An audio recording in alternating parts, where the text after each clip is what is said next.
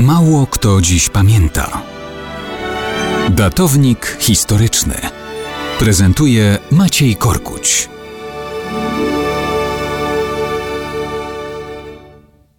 Mało kto dziś pamięta, że 8 czerwca 1997 roku papież Jan Paweł II wyniósł na ołtarze Kościoła katolickiego króla Polski Jadwigę Andegaweńską. Ród d'Anjou, czyli jak utarło się mówić po polsku dynastia andegaweńska, była boczną linią francuskich kapetynków. Władcy z tego rodu zasiedli m.in. na tronie potężnego wówczas Królestwa Węgier. Jadwiga, jako córka króla Węgier i Polski Ludwika Andegaweńskiego, zasiadała na krakowskim tronie przez 15 lat. Przysięgę na ślubnym kobiercu wobec zdecydowanie starszego Jagiełły składała jako dwunastolatka, co oznaczało, że para małżonków musiała jeszcze kilka lat czekać na dopełnienie związku. Jadwiga słynęła ze skromności i pobożności.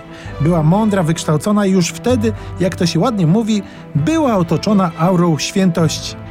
Gromadziła wokół swojego dworu elitę intelektualną kraju. Zlecała tłumaczenia na język polski psalmów, fundowała kościoły, budowała i utrzymywała szpitale, m.in. w Bieczu, w Sandomierzu i Nowym Sączu. Słynęła jako opiekunka ubogich. No i oczywiście przeszła do historii jako odnowicielka Akademii Krakowskiej, na której rzecz przekazała swoje klejnoty i kosztowności królewskie.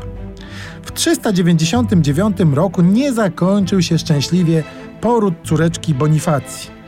Ta zmarła po niespełna miesiącu. Zaraz po niej, prawdopodobnie na gorączkę połogową, zmarła także Jadwiga. Jej proces kanonizacyjny miał długą, ponad pół tysiąca lat liczącą historię. Arcybiskup Gnieźnieński postulował wyniesienie królowej Jadwigi na ołtarze już w wieku XV.